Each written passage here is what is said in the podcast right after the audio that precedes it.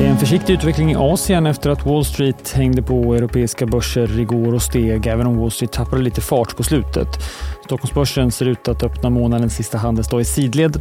Jag heter Alexander Klar och du lyssnar på Det i Morgonkoll. Ja, det är små rörelser på flera marknader i Asien. Börserna i Kina och Hongkong är svagt nedåt medan Tokyobörsen handlas oförändrad. Den japanska konsumenten är oväntat stark. Detaljhandelssiffror för januari steg oväntat mycket, upp drygt 6% i årstakt. Däremot var den japanska industriproduktionen oväntat svag för samma månad och minskade med drygt 3% vilket var mer än väntat. Och I Hongkong slopar man från och med imorgon kravet på att bära ansiktsmask både inom och utomhus efter att myndigheter gjort en ny bedömning av landets covid-19 situation. Wall Street inledde veckan med att stiga även om uppgången kom av sig in på slutet. Tekniktunga Nasdaq var den relativa vinnaren som adderade drygt en halv procent.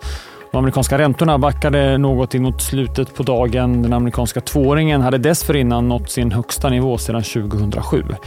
Nu står tvååringen i 4,80 medan den amerikanska tioåringen står i 3,93. Elon Musk Tesla steg drygt 5% vilket fick Musk att återfå titeln som världens rikaste person. Samtidigt har flera bilägare stämt Tesla för brister kring säkerheten. Grupptalan som lämnats in i delstaten Kalifornien menar att Musk och Tesla mörkat brister med Teslas självkörande system, vilket vid flera tillfällen misstänks ha orsakat dödsolyckor. Efter stängningen rapporterade videotjänsten Zoom ett starkare resultat än väntat och aktien steg 7% i efterhanden. Och telekombolaget Radius rusade över 15 procent efter uppgifter till Bloomberg att svenska riskkapitalbolaget EQT är intresserade av att lägga ett bud på det amerikanska bolaget. Enligt Bloombergs uppgifter kan ett bud komma redan senare i veckan och ligga på över 14 dollar per aktie, en bit över gårdagens stängning.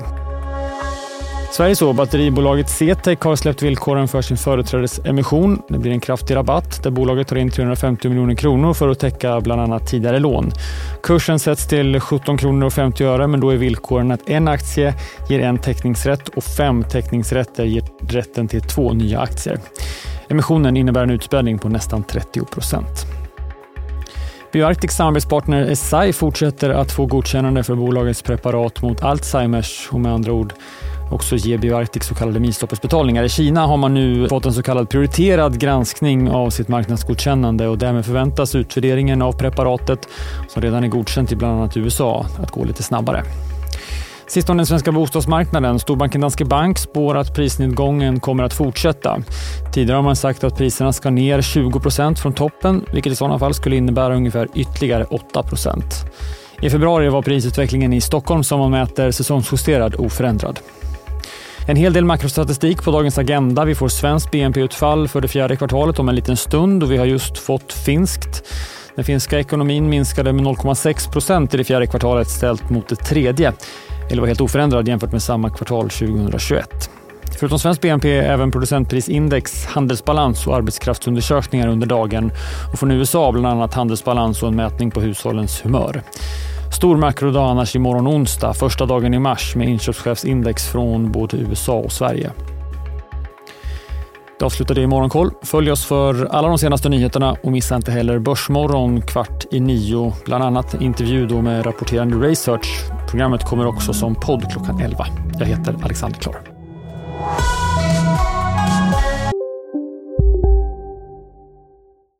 Vi är specialister på det vi gör, precis som du. Därför försäkrar vi på Swedea bara småföretag, som ditt.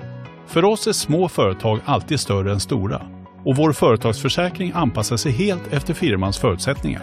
Gå in på swedea.se företag och jämför själv.